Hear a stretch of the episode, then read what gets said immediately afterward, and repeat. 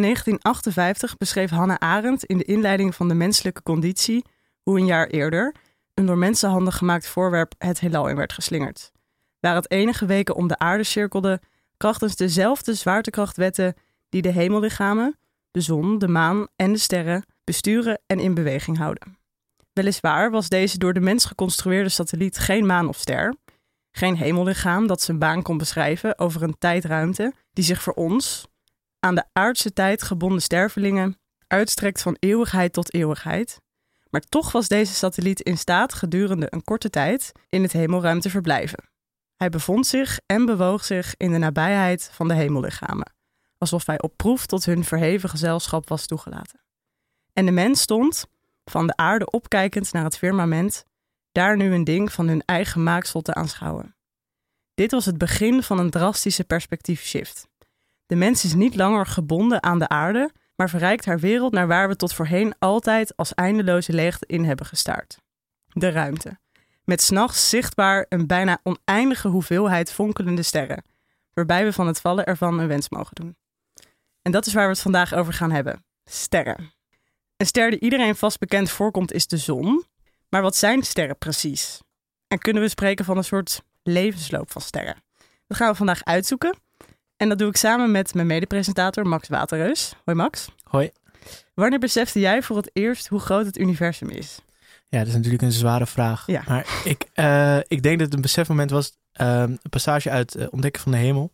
Daar omschrijft de hoofdpersoon, een astronoom, hoe in theorie de, het verleden ja, in, een, in een lichtstraal de, de ruimte in wordt gezonden. En ja, als je een spiegel 50, jaar, 50 lichtjaar verderop neerzet en dat uh, licht weer terug laat kaatsen, heb je over 100 jaar in theorie een beeld van je verleden. En zou je op die manier terug kunnen kijken in het verleden. Ik vond dat een heel gaaf idee. Ja. Uh, dat er dus nog ergens uh, een aantal lichtjaren terug, ja, per, per jaar dus, um, ons verleden, wat we nu aan het doen zijn, in de ruimte aanwezig is in de vorm van licht. Ja.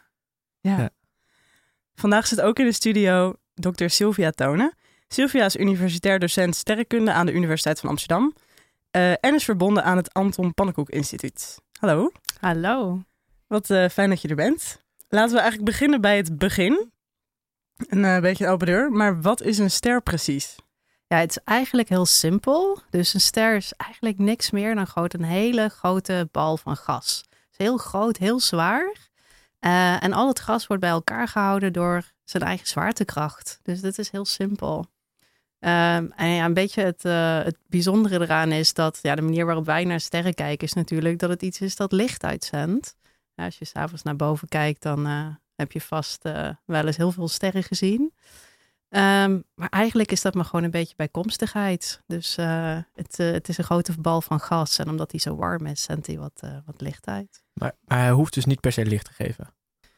Um, nou jawel, het is een, het is een bijkomstigheid. Dus die gas, die, uh, die grote gasbal, die moet stabiel zijn. En daarvoor hebben we een hele hoge temperatuur nodig.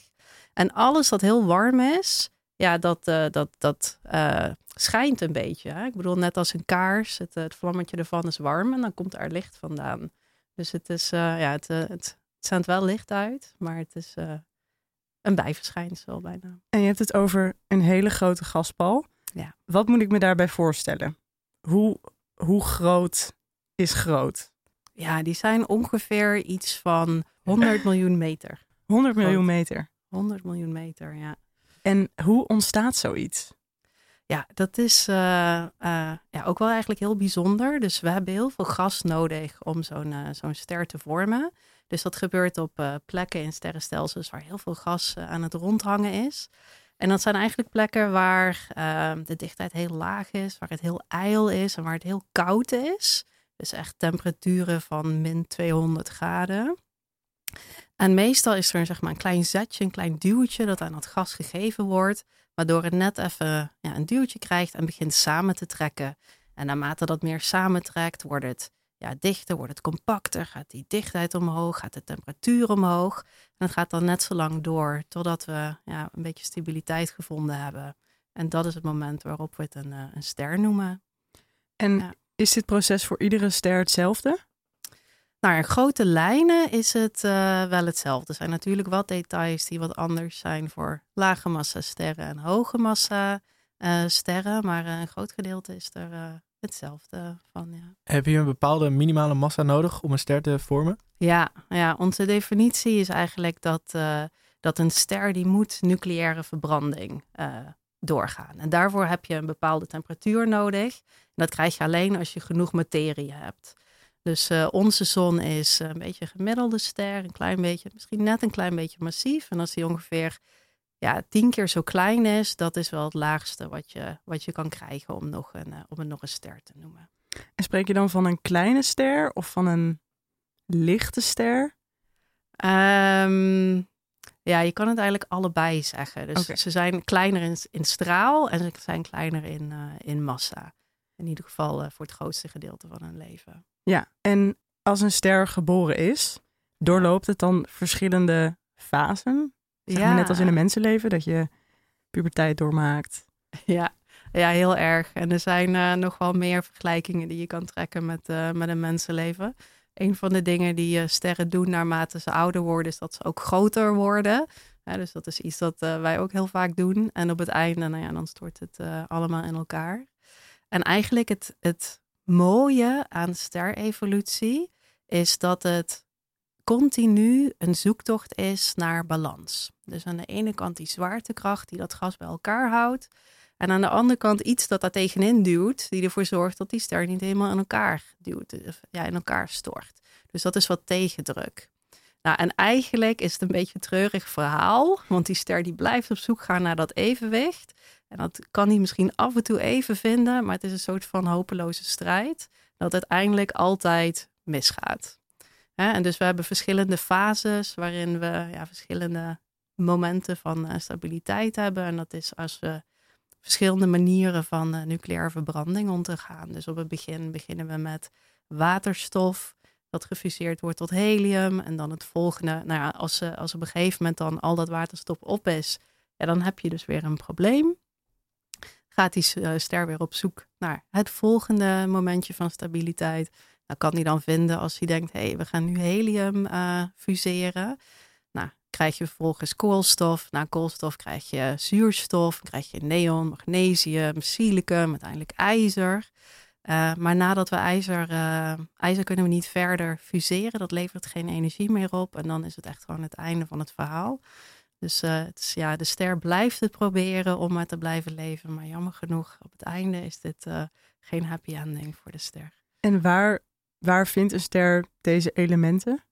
Gebeurt dat in de ster zelf of is dat iets wat van buitenaf komt? Ja, ja, als je kijkt naar het gas dat wij in onze sterrenstelsels vinden, dan bestaat het eigenlijk vooral uit waterstof. Mhm. dus in dat opzicht, die brandstof die is aanwezig in, uh, in die gaswolk op het moment dat die gevormd wordt. En dan door die nucleaire verbranding krijgen we eigenlijk hogere, nou ja, ja, grotere elementen. Dan maken we die helium en dat, dat geeft jou weer dan de brandstof voor de volgende stap. En voor de volgende stap en voor de volgende stap. Dus het is eigenlijk ook wel leuk om te, te realiseren dat ja, heel veel van het ijzer dat wij op aarde hebben, heel veel van het goud dat wij op aarde hebben, ja, dat komt dus echt gewoon uit sterren. Het zijn allemaal eigenlijk blokjes die steeds een, een kleine element wordt een groter element, wordt een groter element. En dan wordt het dus steeds ja, er komt steeds iets bij en dat ja. fuseert, het voegt samen. En als ik dan goed zeg, dan wordt het dus steeds, die, die, die ijzer is eigenlijk opgebouwd uit al die voorgaande moleculen. Ja, precies. Je kan het een beetje zien als Lego-blokjes, dat je begint met van die kleintjes. En dan ja, bij het op, dan krijg je misschien een grotere. En dan zet je er weer een grotere bij, nog groter en nog groter. En op een gegeven moment dan uh, ja, heb je hele grote elementen. Ja. En hoe eindigt dat proces dan? Ja, het eindigt ermee dat uh, ja, aan het einde eindig je dan uh, bijvoorbeeld met ijzer. Maar als we dat gaan verder proberen te fuseren, dan levert dat geen energie meer op. En het probleem is dan dat die, die ster zijn temperatuur niet kan vasthouden. En dat hij niet meer genoeg tegendruk heeft tegen die zwaartekracht. Dus ja, wat gaat er gebeuren als de zwaartekracht wint? Ja, dan gaat die ster dus weer, weer krimpen. Ja, dus dat is eigenlijk een beetje het einde. Net, nou, net zoals een ouder iemand. Die... ja. maar er is dan dus ook geen mogelijkheid dat hij weer groeit. Nou ja, na die laatste fase van, uh, van nucleaire fusie, dan mhm. is er geen kans meer dat hij die groeit, inderdaad. Ja. Dus dan sterft hij langzaam. Ja. Uh, nou, is dat dan hetzelfde als dat een ster dooft? Ja, ja, ja, omdat als dan een nucleaire verbranding ophoudt en er geen energie meer vrijkomt, ja, dan, dan zal het vlammetje gaan uh, doven. En wat ik zelf heel erg leuk vind aan uh, sterrevolutie, is dat er heel veel verschillende vakgebieden van natuurkunde bij elkaar komen, um, of horen bij elkaar te komen, om eigenlijk te begrijpen hoe zo'n zo'n ster uh, evolueert. Dus we hadden het net al over nucleaire verbrandingen, dus dat is nucleair natuurkunde. Uh, we zeiden ook al evenwicht en temperatuur. Dus dan heb je het over statistische en thermische fysica. En eigenlijk aan het einde van het leven van zo'n ster, dan komt daar weer een nieuw element bij. En dat is de kwantummechanica. Dus die ster die gaat nog steeds proberen dat evenwicht te vinden. Die gaat krimpen. Hè, en die temperatuur die kan niet meer helpen. Die kan ons niet meer helpen. Maar het volgende wat, uh, wat misschien kan helpen is dan een druk die van de kwantummechanica afkomt. En dus sterren zoals onze zon, die zullen hun leven eindigen als een object, dat noemen wij een witte dwerg. En daar wordt die tegendruk, die komt echt van de kwantummechanica af. Dus je, je ziet hier gewoon... De kwantummechanica, dat is een, ja. een, hele ingewikkelde term. Ja. Ik, eh, zou je dat kunnen uitleggen? Ja, ja. Um, dat is een stukje natuurkunde dat optreedt op het moment dat we een hele hoge dichtheid hebben, hebben in de materie. Een hele, en een hele lage temperatuur.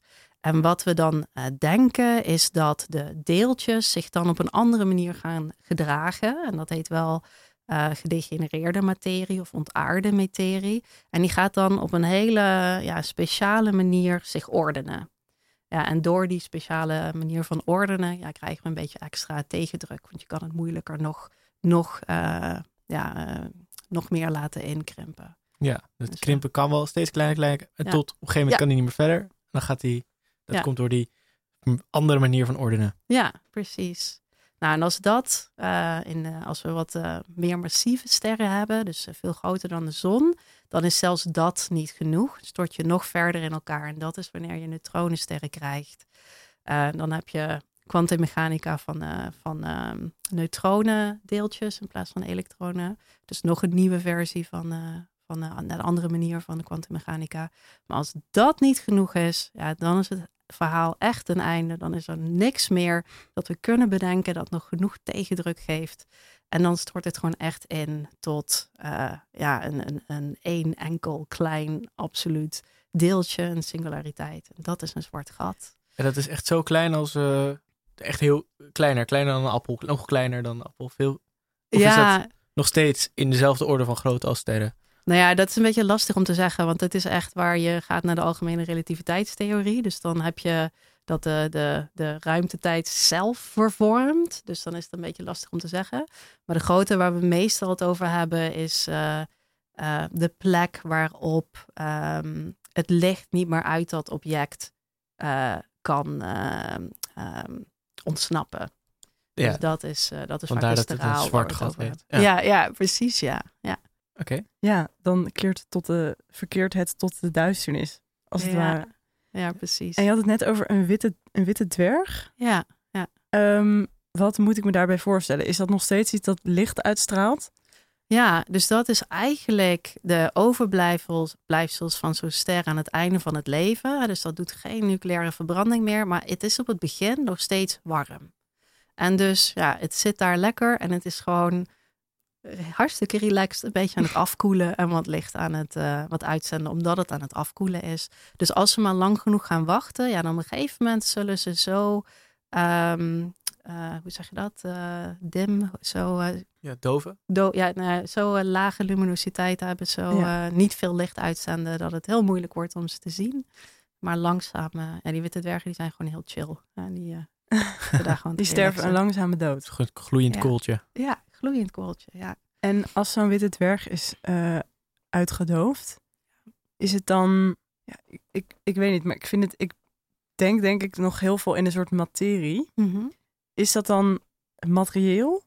Ja, ja, dus dat object dat blijft gewoon bestaan. Dat ja. heeft zeg maar dat hele mooie evenwicht tussen de zwaartekracht en die kwantumkracht. Uh, en dat blijft gewoon voor altijd zo staan. Dus er, er zullen heel veel van dat soort objecten um, in het heelal gaan voorkomen. Ja, die dus gewoon heel weinig licht uitzenden. Dus dat we ze het niet meer kunnen zien. Maar daar wel gewoon ja, lekker aan het rondhangen zijn. Zijn dat eigenlijk een soort van de fossielen, soort eh, fossielen van sterren? Ja, precies. Ja. Dus eigenlijk is de ruimte één grote, wordt het één grote begraafplaats. Het wordt een beetje een treurig verhaal, hè? Maar, Ja. eh, ja. En eh, als je een ster niet meer kan zien, Ja. is er dan op een andere manier eh, mogelijk om die ster nog wel te zien? Of is het... Eh, nou, dus er zijn misschien nog wat andere trucjes die je zou eh, kunnen gebruiken. Of andere dingen die kunnen gebeuren. Bijvoorbeeld als zo'n eh, object misschien nog wat materie accreteert. Dus dan, dan zou die accretie, die kan bijvoorbeeld röntgenstralen opleveren. Dus dan, eh, dan zou je het op die manier nog kunnen zien. ma- ma- materie accreteert? teert? Ja, ja. Ehm, nou ja, eh, een van de dingen waar ik onderzoek naar doe, is eh, niet alleen enkele sterren, maar als ze een vriendje hebben. Hè? Dus als we kijken naar onze naar eigen zon, dan is die ster eigenlijk een beetje eenzaam. Dus het is maar één ster hier in de buurt. En dan Ja. zit er een heleboel kleine planeetjes eh, rondomheen. Maar van de aarde dus ook. ja, ja, net zoals de aarde. Ehm, maar eigenlijk hebben heel veel sterren gewoon een, een metgezel die daar heel dichtbij in de buurt is. Dus, dit, eh, dus in plaats van dat we de aarde hebben die om de zon draait, staat daar gewoon ja, een andere ster die om die, eh, die ster heen draait. Nou, en op bepaalde eh, momenten is het mogelijk dat de ene ster wat materie van die andere afslurpt. Dus je kan je voorstellen dat als zo'n witte dwerg ja, materie van zijn begeleider afslurpt. Wat, wat Eh. gasdeeltje, helium. Ja, ja. Ja. waterstof, helium, dat soort dingen. Ja. Oké. Ja. En die, die, die deelt dat dan? Die delen, dan wissen ze uit? Of hoe gaat dat? Eh, nou, het, is vaak een eh eenrichtingsstraat. Dus dat de ene ster eh, materie afslurpt van de, van de andere ster. Soms gebeurt het op latere momenten dat het dan weer de andere kant op teruggaat. En het is echt heel erg gaaf, want op die manier kunnen we sterren maken die op geen enkele andere manier gemaakt kunnen worden. Dus dat, is, ja, dat vind ik persoonlijk al heel erg gaaf. Maar dat zijn ook momenten, die, eh, die massaoverdracht is ook eh, ja, momenten waarop je hele heldere uitbarstingen kan, eh, kan krijgen. Waarbij je samensmeltingen van de sterren kan, eh, kan krijgen. Dus een hele energieke en explosieve gebeurtenissen. Gevaarlijke bezigheid. Ja, ja zeker. En dat, ehm, even kijken, dat, dat zijn er dan dus twee die samen zijn. Ja. Ik geloof dat jij ook specifiek onderzoek doet naar andere samenstellingen. Ja, Ehm, namelijk bijvoorbeeld samenstellingen waarbij sterren met z'n drieën zijn. Zou je daar wat over kunnen vertellen? Hoe dat bijvoorbeeld verschilt ja. met eh, een binaire samenstelling? Ja, klopt helemaal. Ja, het punt is dat ehm, ja, we weten al vrij lang dat, eh, dat eh, sterren vaak in zo'n systeem zitten met z'n tweeën, dus dubbelsterren heet dat. En ook een beetje de, de, ehm, ja, de evolutie daarvan en de theorie daarachter, die zijn we eigenlijk al heel lang aan het bestuderen. Dus de basis daarvan komt een beetje uit de jaren 80, ehm, nou, sommige onderdelen jaren 60. Maar in de laatste tien jaar hebben we het ook gerealiseerd dat eh, daar het verhaal nog niet ophoudt. Dus dat we ook systemen hebben waarbij er drie sterren die zijn die om elkaar heen draaien. En soms zelfs vier, vijf, zes. Eh, het, ja, het kan maar niet op. Ehm, nou, en ehm, dat is dus een klein beetje nieuw dat ze ons realiseren van nou, daar zijn er echt wel heel veel van. Dus misschien moeten we deze nu ook gaan eh, bestuderen. En van de andere kant begrijpen we ook de dynamica van zo'n ehm eh driedeeltjes systeem nu veel beter. Dus dat heeft mij er toen eigenlijk toe geleid om te zeggen, nou laten we deze twee dingen eigenlijk eh, combineren. Laten we gaan kijken naar hoe de sterrevolutie en die dynamica van die drie deeltjes samenwerkt. Eh, en hoe dat het leven van, de, van sterren beïnvloedt. Van hoe gaat dat nou anders dan als we naar, eh, naar, eh, naar dubbelsterren kijken. Ja, Ja. want als, je, als ze met z'n drieën zijn, Ja. is er dan sprake van bijvoorbeeld één centrale ster die meer dan de helft van de Ja. tijd van allebei zuigt? En doet hij dat dan tegelijkertijd of is dat Ja. apart? Ja, wat we vaak zien is dat het twee sterren zijn die om elkaar heen draaien. Mhm. En dan eigenlijk een derde object dat daar in een hele grote baan dan weer omheen draait. En dus voor die derde ster is het bijna een beetje alsof waar die omheen draait, dat dat gewoon één object is. Die is zich misschien niet helemaal bewust dat dat eigenlijk stiekem twee sterren waren. Weet je, het is alsof Ja. die gewoon eh, niet genoeg ingezoomd heeft en het nog niet eh, gezien heeft. Maar het maakt wel uit voor de, voor de evolutie. Want bij die dubbelsterren, de interacties waar we het dan over hebben, die ja, die ik dus zo gaaf vind. Dat is massaoverdracht. Dat is echt fysiek contact uh, tussen die sterren. Terwijl nu dat we voor het eerst naar driedubbel uh, gaan kijken, komt daar nog een hele nieuwe manier van interactie bij. En dat is als die twee banen met elkaar uh, interacties uh, ondergaan. En daardoor kunnen bijvoorbeeld die binnenste baan, die kan dan heel ellipsvormig worden. En soms zelfs zo ellipsvormig dat het bijna gewoon een rechte lijn wordt en die twee sterren tegen elkaar kunnen aanbotsen. Doordat er een derde ster heen draait, gaan die andere twee anders bewegen. Ja, precies. Um, ja, dus het, uh, ja, het, het gave aan, uh, aan, de, aan de trippels is dat we echt nu voor het eerst kunnen gaan bestuderen wat het effect is van die baaninteracties. En dat gaat ja, ook van belang zijn voor die vierdelige systeempjes in de vijf en de zes ja. en, uh, enzovoort. Want op het moment dat een zo'n dubbelcombinatie naar elkaar toetrekt, omdat ja. er een derde aanwezig is, ja. Wat betekent dat dan precies voor de evolutie van één van die twee? Nou ja, je kan bijvoorbeeld krijgen dat die twee sterren gaan samensmelten. Dus dan mm -hmm. krijg je opeens een, ja, eigenlijk uh, maak je dan een nieuwe ster. Hè? Dus je een veel jongere ster en die veel zwaarder is. Um, je kan ook uh, ja, massa-overdracht krijgen, uh, andere soorten sterren, misschien een veel zwaarder zwart gat dan wat we anders hadden verwacht. dat soort dingen. Ja. En dan vormt, als, als dan die oude ster, dan wordt het weer gewoon een twee-eenheid. Ja. Zoals normaal. Oh, ja, ja, precies. Dus je gaat van ja, drie uh, deeltjes naar twee deeltjes. En soms zelfs eindig je dan weer met één deeltje. Dus, uh... Ja. En gaat het op dezelfde manier als er dan met vier sterren? Dus dan komt er eigenlijk die twee sterren dansen uh, of draaien om die derde, of die derde draait om die andere twee. En dan draait daar weer een vierde om die ja. andere drie. Nou ja, wat we zien uit de waarneming is dat er eigenlijk twee mogelijkheden zijn. Uh, het ene is dat je een dubbelster hebt en nog een dubbelster en die draaien om elkaar heen. Ja. En de andere is dat je een dubbelster hebt, daar draait een ster omheen. En dan daar draait dan weer een ster omheen. Het komt ja. eigenlijk allebei even, even vaak voor. Hoe, hoe hebben jullie dit afgelopen jaar of de afgelopen tien jaar dan ontdekt? Dat jullie, zagen jullie dan hele andere gekke, gekke bewegingen bij twee sterren? Want jullie gingen er tot tien jaar geleden vanuit dat er maar twee sterren waren. Ja, ja het komt een beetje uit, uh, uit de waarnemingen en voor een gedeelte echt uit de revolutie die daar vandaan gekomen is. Hè? Want uh, ik doe dan zelf meer de, de theorie en het modelleren ervan, maar mijn collega's die de waarnemingen zelf doen, die, uh, ja, daar, daar is echt gewoon, het, het, is gewoon een revolutie die daar heeft plaatsgevonden. Dat die heel veel tijd en aandacht altijd hebben besteden aan, aan sterren waarnemen. Maar tegenwoordig met uh, computergestuurde telescopen kunnen ze gewoon veel meer sterren waarnemen. En daardoor zijn de, de, de lijsten van sterren die we hebben veel groter geworden. Uh, kunnen we ze veel beter bestuderen. Natuurlijk, de instrumenten worden steeds gevoeliger. En daar kwam dan gewoon langzaam naar voren van... hey, maar dit systeem dat ik altijd dacht dat een dubbelster was, hey, dat, dat heeft eigenlijk een, uh, nog een vriendje dat er rondhangt. En hey, deze hier ook. En hey, potverdorie, de, deze hier ook. En dus zo langzaam kwam dat besef naar voren. En dan, dan het zijn twee het zijn dingen die een beetje tegelijkertijd gebeuren. Dat je langzaam dringt het door dat, uh, dat er misschien meer uh, drie uh, lichaamsystemen zijn.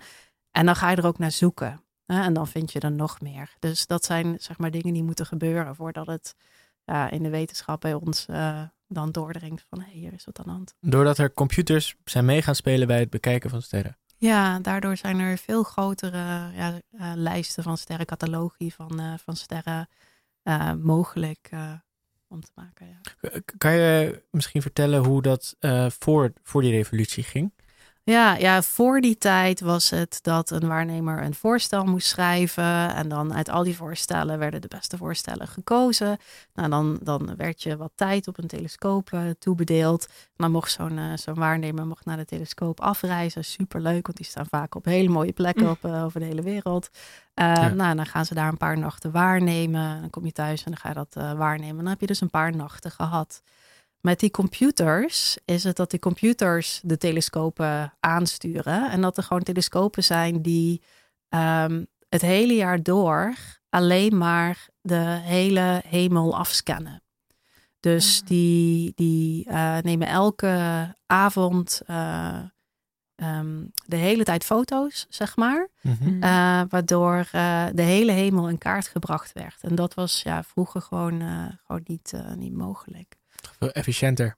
Efficiënter. Ja. ja. precies. En die doen meteen een analyse. Dus ja, super makkelijk. En dan krijg je misschien ook sneller een soort wetmatigheden of zo. En daardoor misschien ook makkelijker dingen te voorspellen. Ja. Nou, het voordeel voor mij als uh, ja, meer, meer die theoretisch dan, zo'n computer is hartstikke regelmatig. Weet je? Ja. je weet precies wat die gaat doen, wanneer, hoe lang die waarneemt. Alle waarnemingen zijn heel makkelijk te vergelijken. Terwijl toen iedereen maar een paar nachten onderling kreeg, ja, dan, ja, dan uh, deze persoon kijkt misschien zo lang naar dat stukje aan de hemel. En deze persoon kijkt misschien wat korter. En dat maakt het dan lastiger om te vergelijken. Ja, hoeveel sterren zijn dan hier en hoeveel zijn dan daar.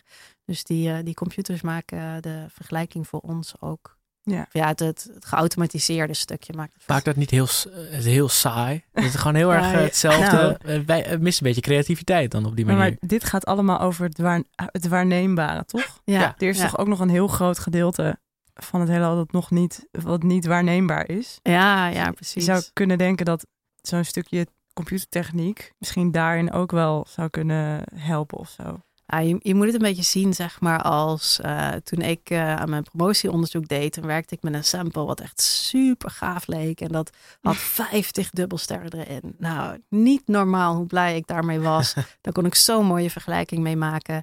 Nou ja, nu heeft datzelfde sample al 800 uh, dubbelsterren. Het zegt 50, weet je wel, daar komen ze in bed niet meer vooruit. Ja. Uh, dus uh, ja, en daar, daarmee kan je natuurlijk heel veel meer doen. Dus je kan, ja, ja. En misschien klinkt het saaier om de computer het doen, maar het geeft zoveel meer detail uh, dat ja, het ook ons theoreten echt, um, hoe zeg je dat, op onze tenen houdt. Want nu moeten wij natuurlijk onze modellen ook veel meer gedetailleerd maken. Ja, ja dus, statistiek gaat nu opeens een rol spelen. Ja, ja. precies. Ja, en misschien wat dingetjes waar we vroeger wel mee wegkwamen. Hè, van oké, okay, deze versimpeling, die doen we hier ja, dat, uh, dat begint er, zit er aan te komen dat we dan niet meer kunnen. Dus uh, ja, ik vind het leuk, want als er een waarneming komt die matcht aan mijn uh, modellen, ja, leuk, dan past het, maar je weet nooit of je het goed hebt. Terwijl als er een waarneming komt die laat zien dat mijn modellen niet kloppen, nou ja, dan kan ik wat, hè? dan kunnen we wat leren. Dus ja. ja. kom maar op. Je bent steeds op zoek naar iets wat niet klopt. Ja, eigenlijk wel. Ja. ja. Um, want dat, dat vraag ik me eigenlijk ook af in een, in een waarneming zijn er dan 500 uh, dubbelsterren. Op hoeveel sterren is dat? Hoeveel sterren zijn er überhaupt? Oh ja. Want uh, dat lijkt me ook wel een soort van lastig. Dat je dat nooit in zijn totaliteit gaat vatten. Ja. Misschien. Uh, nou ja, in onze melkweg zijn er zo'n um, 100 miljard sterren. Dus dat is echt een heel groot aantal. Maar ja, het, het, probleem is meestal dat je, ja, je, je, ze niet allemaal kan zien, weet je. Ze staan ver nee. weg. En uh, als, ze, als de sterren niet al te helder zijn, dan, uh, ja, dan, dan wordt dat lastig om ze allemaal uh, te zien. Dus het is eigenlijk, het, onder, het, onderzoek dat jij doet, is gebaseerd op een kleine, hele kleine greep. het, mijn onderzoek, ja, omdat het dubbelsterren zijn, kunnen, um, en ja, ik I have no favorites. Dus ik vind de dubbelsterren leuk, maar het maakt niet uit of daar nou normale sterren in zitten, of dat daar nou witte dwerg in zit, of dat er nou een soort gaten in zitten. En al die verschillende objecten, die ja, hebben een beetje hun eigen, uh, hoe zeg je dat, uh, de ene sample is groter. Bij de ene sample is, uh, is weet je al 50 misschien super, en bij de andere 500. En bij de ene witte dwergen, die zien we misschien dan wat, wat dichter bij ons in de buurt. En reuzensterren, die kan je dan weer wat verder weg zien. Dus el, eigen, elke, elke soort dubbelster heeft een beetje zijn eigen karakteristieken. Ja. Net zoals de kleur van de sterren. Daar ja. kan je heel veel zien, toch? Ja, ja, ja. precies. Ja. Hoe zit dat dan precies? Um, ja, dus uh, eerder vandaag hadden we het over die verschillende fases ja. van, uh, in het leven van een ster. Hè? Dus al die mm-hmm. verschillende nucleaire fases waar ze doorheen gaan. En uh, ja, dat kunnen we eigenlijk um, uh, een beetje begrijpen aan, uh, aan de hand van die, van die kleuren.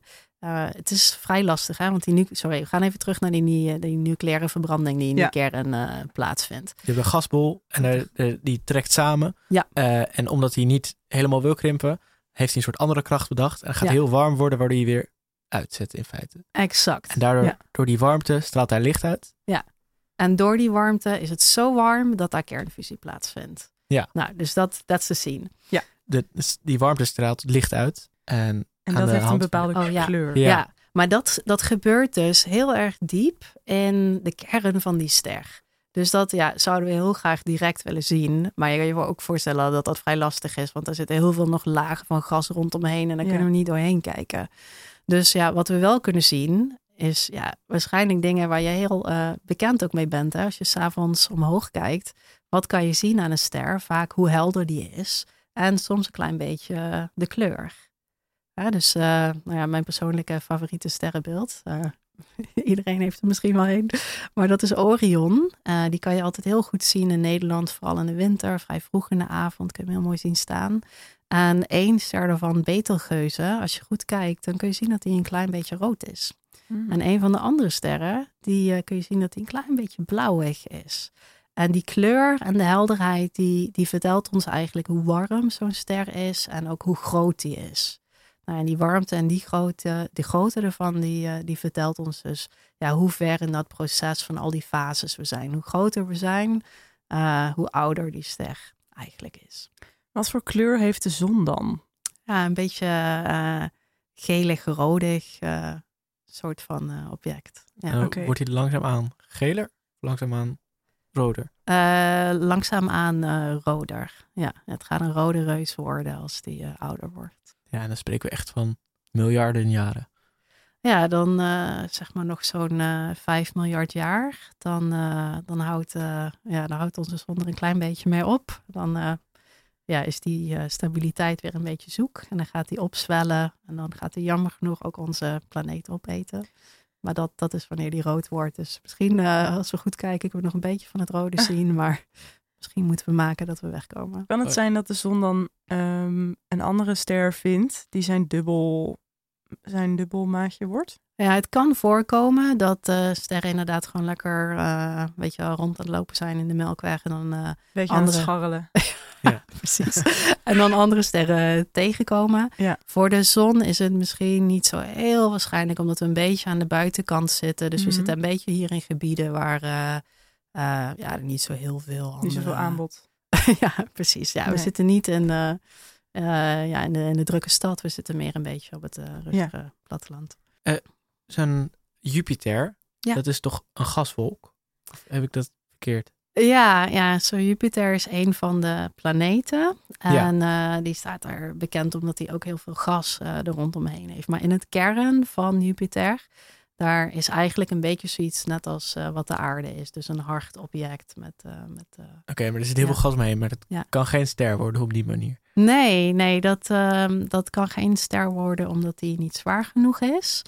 En ehm, die wordt dus ook niet bij elkaar gehouden door zijn eigen zwaartekracht. Want er zit gewoon niet genoeg eh, Massa aan. Ja, precies. Dus daar zijn het eh, ja, eigenlijk dezelfde krachten als dat eh, deze tafel bij elkaar gehouden wordt. Oké. Ja. Wij krijgen een vraag vanuit het techniekhok. Dat is eh, leuk, er gebeurt eigenlijk niet zo heel vaak. Maar Bart vroeg zich af ehm, wat ook alweer de rood- en blauw verschuiving is. En dat slaat op de kleuren waar we het net over hadden. Ja, ja. Ja, dit is, ehm, ehm, eh, dat heet de Doppler-verschuiving eigenlijk. En dat is misschien iets wat je ook wel kent als je eh, buiten bent, als je op de fiets zit en er komt een ambulance voorbij. Ja. En als die naar je toe komt, dan hoor je het geluid een klein beetje anders als dat die van je afgaat. Dat komt eigenlijk omdat ja, geluid zijn golven. En als dat naar je toe komt, wordt die golf een beetje ingedrukt. En als die van je afgaat, wordt die golf weer groter. En dat verandert het geluid. Nou, in eh, het heelal hebben we een beetje hetzelfde. We kijken naar sterren, die zenden licht uit. Dat zijn ook golven. En als die ster eh, beweegt, dan kan die golf ook een klein beetje opgerekt worden en een klein beetje ingekrimpt worden.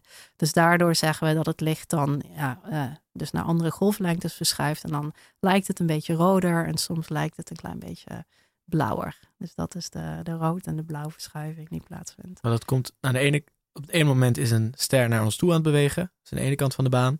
En dan draait hij op een gegeven moment om en dan gaat hij naar ons, van ons af. Ja. En dan wordt hij dus die golflengtes worden langer als hij van ons afgaat. Ja, Eh, als die van ons afbeweegt, eh, ja, wat we vaak zien in een dubbelster, is inderdaad dat één, eh, op een bepaald moment gaat er één ster zijn die naar je toe komt en de andere die misschien van je afbeweegt. Ja. Maar stel je voor dat die. ehm, het is een beetje een, een lastig verhaal. Maar als je kijkt naar het licht dat een ster uitzendt, dan kan je kijken naar specifieke golflengtes. En soms heb je één golflengte die geabsorbeerd wordt. Dus die, die, die, die, die, ver- die verdwijnt dan eigenlijk als je naar het, eh, naar het licht kijkt. Ja. Nou, dus als er opeens één zo'n gat is, dan kan je kijken of dat gat eh, af en toe een beetje verschuift. Dus dan zien we dat als hij naar ons toe beweegt, dat dat net een andere golflengte wordt dan als die van ons, eh, van ons afbeweegt. Dus dat is één manier om erachter te komen of een ster in een dubbelster zit. Ja, want als je gewoon zo naar een ster kijkt, die zie je niet bewegen aan de Nee. hemel. Dus ja, de- hoe kom je er überhaupt achter dat een ster in een, eh, in een dubbelster zit? Dus dit is eigenlijk een van de meest eh, gebruikte methodes. Dus het komt ook omdat die, die ster heel langzaam een rondje maakt, toch? Oh, we hebben ze in alle soorten en maten. Ah. Dus we hebben dubbelsterren die echt gewoon eh lichtjaren uit elkaar staan. eh, waar het bijna er niet toe doet dat het dubbelsterren zijn. Dat ze zo weer van elkaar afstaan. Maar we hebben ook dubbelsterren die om elkaar heen draaien in een paar minuten. Dus Zo. ja, dat is echt belachelijk hè. Want ik bedoel, wij doen er een jaar over om, door de, om om de zon heen te draaien.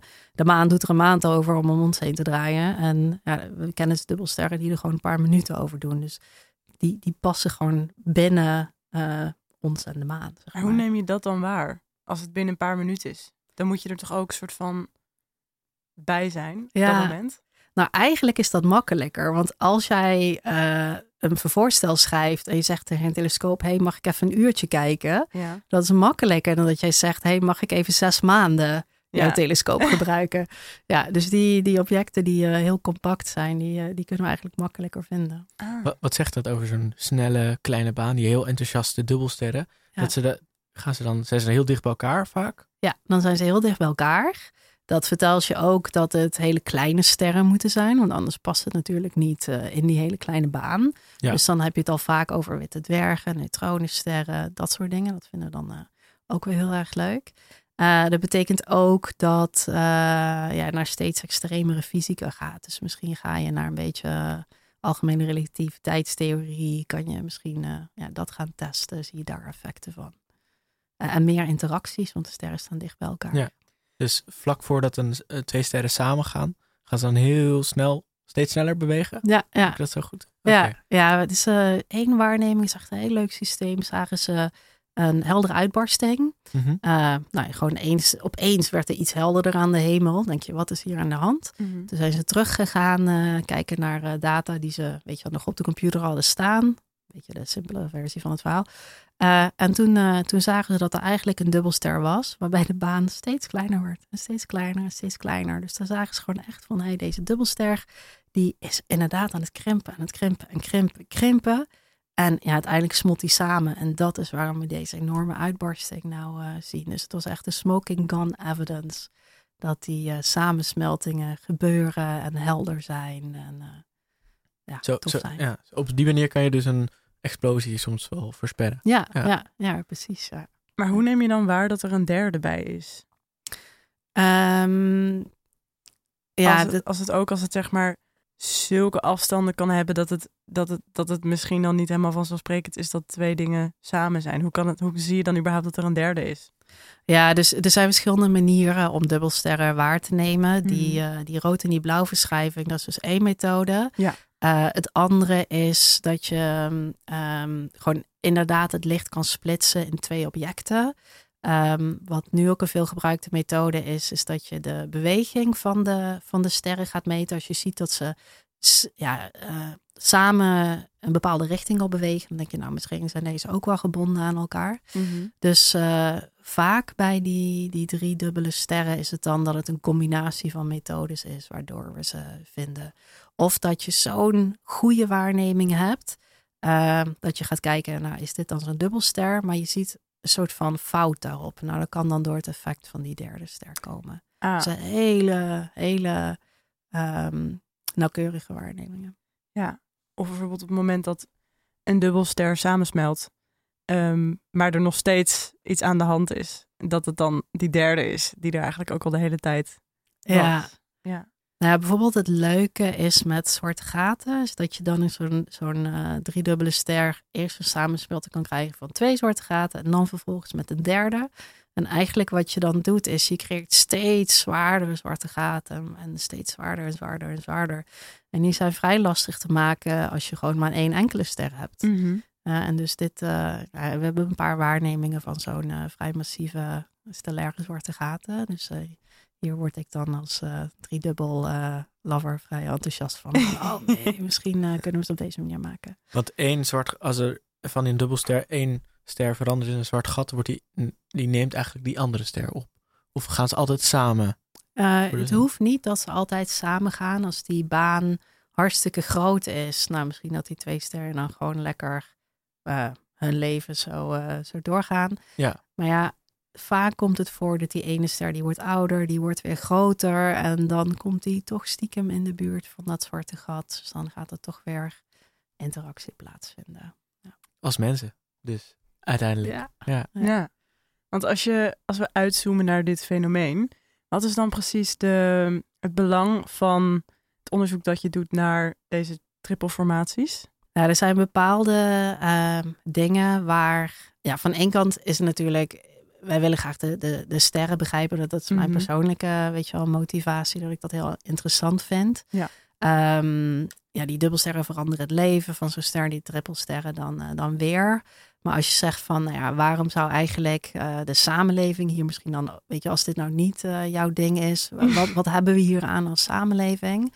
Nou, een van de grote vakgebieden uh, waar dit op toespitst, is dat um, als we dubbele zwarte gaten hebben of neutronenster, als die samensmelten, dat levert uh, gravitatiegolven op. Dus dat is iets dat uit de algemene relativiteitstheorie komt.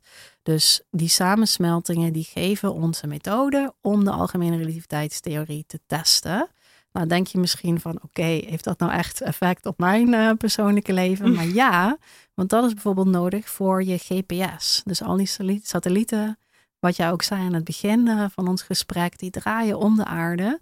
Um, en daar zit dus ook een klein stukje algemene relativiteitstheorie in. Dus uh, ja, voor al onze supermoderne communicatietechnieken, ja, dit, dit is eigenlijk de enige mogelijkheid waarop we de algemene relativiteitstheorie kunnen gaan testen. En mijn uh, berekeningen, mijn groep en, en, mijn vakgebied, wij proberen een beetje die oorsprong van die, die sterren te begrijpen.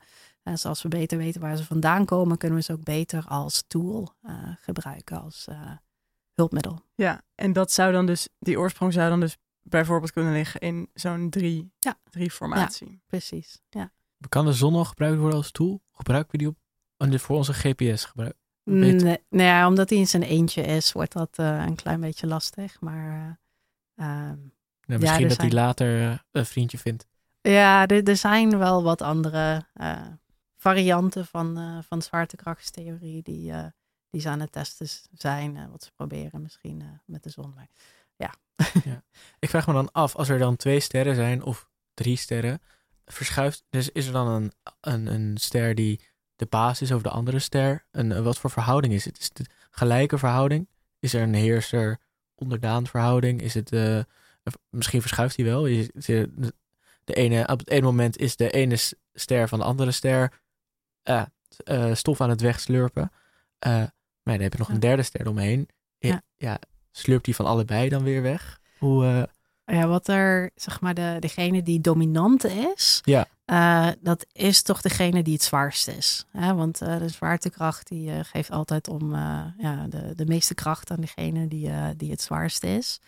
Ehm, en wat we zien in die drie, drie dubbelsystemen is eigenlijk alles is mogelijk. Dus je kan een hele massieve ster een hele lichte ster hebben. Je kan ook heel vergelijkbare sterren hebben. En het is toch dan vaak die, die zware sterren die als het eerste heel groot wordt. En dan eigenlijk zijn materie kwijtraakt aan die ander. Dus waardoor eigenlijk eh, het een klein beetje meer gelijkwaardig wordt. Dus het maakt niet uit welke, of, een ster groter is of eh, kleiner, of wie van wie eet, slurpt.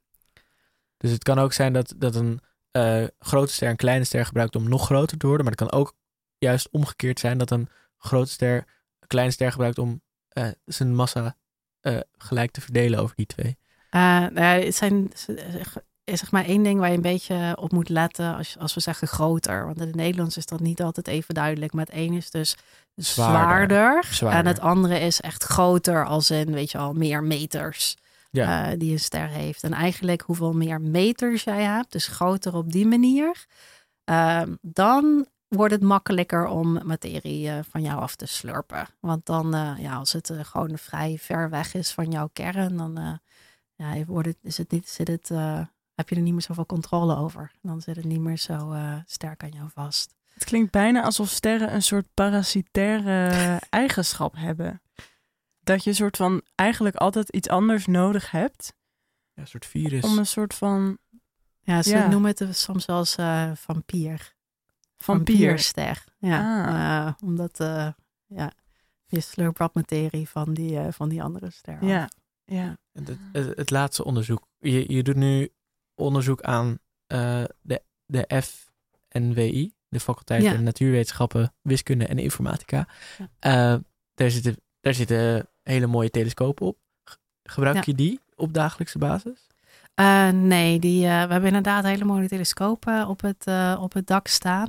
En die gebruiken we heel veel bij als we les geven. Die gebruiken we niet zo heel veel voor ons onderzoek. jammer is toch een beetje dat in Nederland het heel vaak bewolkt is. waardoor de, de kwaliteit van de, de waarnemingen toch ja, heel lastig zo goed te krijgen zijn als als je een hele grote telescoop bovenop een berg zet in, uh, in Chili of in, uh, of in La Palma. Dus uh, het is meer zeg maar voor ons, voor onze studenten om te leren om te gaan met de telescopen. Ja, en het andere wat we ermee doen is ook open sterrenkijkavonden. Dus dan nodigen we gewoon eigenlijk iedereen uit. Die mag gewoon langskomen. Eén keer per maand is het gewoon de open deuren. En dan mag je door de telescopen heen kijken. En dan houden we ook een beetje een leuk praatje over sterrenkunde en zo. Dus daarmee proberen we ook een beetje terug te geven aan, aan de stad. Dat is ook nog wel interessant. Het idee, het idee dat er uh, luchtvervuiling is. En dat het misschien steeds moeilijker wordt om naar buiten te kijken, zeg maar in die zin. Ja. Is, is dat een wereldwijd probleem? Ja, luchtvervuiling of lichtvervuiling? Uh, Ik, nou, misschien dan lichtvervuiling. Ja, ja, dus uh, het zijn eigenlijk twee, uh, twee problemen. Het ene is, ja, er zitten wolken tussen ons en de ster. En dat uh, ja, maakt het lastiger om, om de ster te mhm. zien. Je moet er doorheen kijken. En het andere is, ja, je kan je voorstellen dat als er een hele heldere lamp staat, net naast je telescoop, dat het ook heel lastig wordt om dat hele kleine sterretje te gaan zien. En in, ehm, in Nederland zitten we gewoon allemaal, wonen we heel dicht op elkaar. Weet je, het groene hart in, in Nederland is ja, soms gewoon te vergelijken met één hele grote stad in, eh, in Zuid-Amerika bijvoorbeeld. Dus uh, het, onze ogen raken er bijna aan gewend. Maar al die lichtjes samen, die zorgen gewoon voor heel veel achtergrondruis. En daar ben je misschien eigenlijk al een beetje bekend mee. Want uh, als je misschien op vakantie gaat naar Frankrijk... Uh, weet je wel, lekker op het platteland en dan s'avonds naar de hemel kijkt, ja. dan ja, dan, dan zie je gewoon heel veel meer sterren. En ik weet de allereerste keer dat ik dat deed, dat ik bijna gewoon een beetje claustrofobisch werd. Want ja, ik was natuurlijk gewend aan de hemel in Nederland. En weet je, als je geluk hebt, zie je misschien twintig sterren. En nou ja, ik, ik zag gewoon de hele melkweg, weet je al, zoveel sterren. Ik vond het echt heel overdonderend uh, toen. Maar ja, dat, dat komt dus eigenlijk door alle licht- en luchtvervuiling in Nederland. Ja, ik vind soms het idee dat er zo'n grote ruimte is om ons heen, inderdaad bijna als een soort opgesloten voelen. Ja. Ook omdat het gewoon, ja, is niet heel realistisch dat ik me daar ooit in ga bevinden. dat is, ja, ik weet niet. Dat vind ik toch ik vind ik altijd heel interessant. Ja, ik snap je helemaal. En daar worden natuurlijk, als, uh, als je een sterrenhemel ziet, zie je heel veel sterren die ook daadwerkelijk sterren zijn. Maar je ziet ook heel veel lichtjes en vallende sterren. Ja. Dat zijn volgens mij helemaal geen sterren. Nee, nee precies. ja, nee, dat klopt. Ja, heel, uh, heel verwarrend die namen. Maar dat zijn gewoon hele kleine uh, meteoriden die onze atmosfeer bereiken. En eigenlijk, ja, dus dat is ook het, uh, um, ja, weet je, de wolken waar het doorheen gaat. En dat brandt dan, dat verbrandt dan. Ja. Dus eigenlijk wat we zien is van, oké, een grote vuurbal die net even ja, Een brandend brot, een brokstuk. Ja, een brandend uh, brokstuk. Want een, een ster die een normale, die zeg maar normaal dooft, die, dat zie je helemaal niet zo bewegen in die, op die manier. Ja, niet, niet zeg maar zo'n, ja, wat je vaak ziet bij vallende sterren, is dat het even zo'n streepje Ja. aan de hemel is. Hè? Dat, eh, ja, Ja. dat zou je niet zien, want de meeste Nee. sterren die staan zo ver weg, dat als die een klein beetje bewegen, dat zou je niet eens zien. Dus als, als een, een echte ster zo'n beweging zou gaan maken, dan, ja, dan zou ik me echt rot schrikken. Ja. Als, de- als de zon nou heel snel zou bewegen, zouden we, zou dat kunnen? Dat, er gewoon, eh, dat de zon op een gegeven moment een baan van drie minuten heeft. En we zo- Oh, de zon ze- ze beweegt? Ja, niet hè? Nee, ja, de, zou dan Iets, iets, moeten dichtbij, een gebeuren. ster dichtbij. Nee. Ja, is- dan zou er iets moeten gebeuren dat, eh, zeg maar, eh, dat, dat de zon beïnvloedt. Er zou iets moeten komen dat aan die zon gaat trekken. Maar ja, bij ons in de omgeving is het gewoon lekker rustig, lekker leeg. Dus eh, gelukkig niet, hè? Anders is nooit dan, een eh, echte vallende ja. ster. Ja. ja, Dat zou denk ik echt funest zijn. ja, dat denk ik ook, Misschien nog het huiswerk voor de luisteraar. Het favoriete sterrenbeeld, Ori- Ja. Orionus? Eh, Orion. Orion. Ja, ja. Hoe, hoe kunnen we dat vanavond zien als het mooi weer is? Ehm, dat is een goede vraag. Ehm, we moeten even dubbelchecken, want misschien is het net even een klein beetje te laat in het jaar eh, om het te zien. Eh, normaal is de herfst en de winter is het beste moment om het te zien. En eigenlijk is het de vorm van een zandloper. Oké. Dus als jij eh, een zandloper ziet in het, in het midden, zeg maar, het dunste gedeelte van die zandloper zijn drie sterren. Dat is, heet de, de riem van, van Orion. Ja. Twee sterretjes erboven, twee sterretjes eronder. Dan, dan heb je hem gevonden. En die, En serieus, als je in de herfst naar boven kijkt, ja, in Nederland, in Nederland wordt het ietsje makkelijker, want er zijn niet zoveel sterren. Dus als je iets een beetje deze vorm ziet, dan heb je hem. dit zijn echte, en het zijn er dus zeven. Eh, ja, ja, Ja. ja. Als je goed kijkt, dan zijn het er zeven. Maar die, eh, die riem waar er dus drie zo dicht bij elkaar staan, als je niet zo goed kijkt, dan is het misschien gewoon één. eh even goed kijken. Zijn er, is er toevallig een van die zeven een dubbelster? Of zou je dat dan... Ehm, niet dat ik weet. Ja, sorry, niet dat ik weet. Er zijn eh, andere eh, dubbelsterren die al bekend waren, zeg maar, in de, in de, in de 17e en de 18e eeuw. Nou, dan eh, was dit Radio Sammerdam voor vandaag. Ik wil jou bedanken voor de gast zijn, Sylvia. Dankjewel. En het was superleuk om langs te komen. Dankjewel voor Ja. de uitnodiging. Tuurlijk. Max, dankjewel voor zijn van mijn mede-presentator. En Bart Verplanken deed vandaag de techniek. Ehm, heeft u vragen of opmerkingen, stuur ons dan gerust een bericht via social media. Of eh, u kunt ook mailen naar radioswammerdam.gmail.com. We zijn op Instagram, Twitter en LinkedIn te vinden. En eh, u hoeft dan dus nooit iets van ons te missen. En deze uitzending wordt geüpload op Spotify, Soundcloud en al uw andere lievelingspodcastkanalen. Vandaag sprak tot u Emerals Kaptein en bedankt voor het luisteren. Fijne zondag.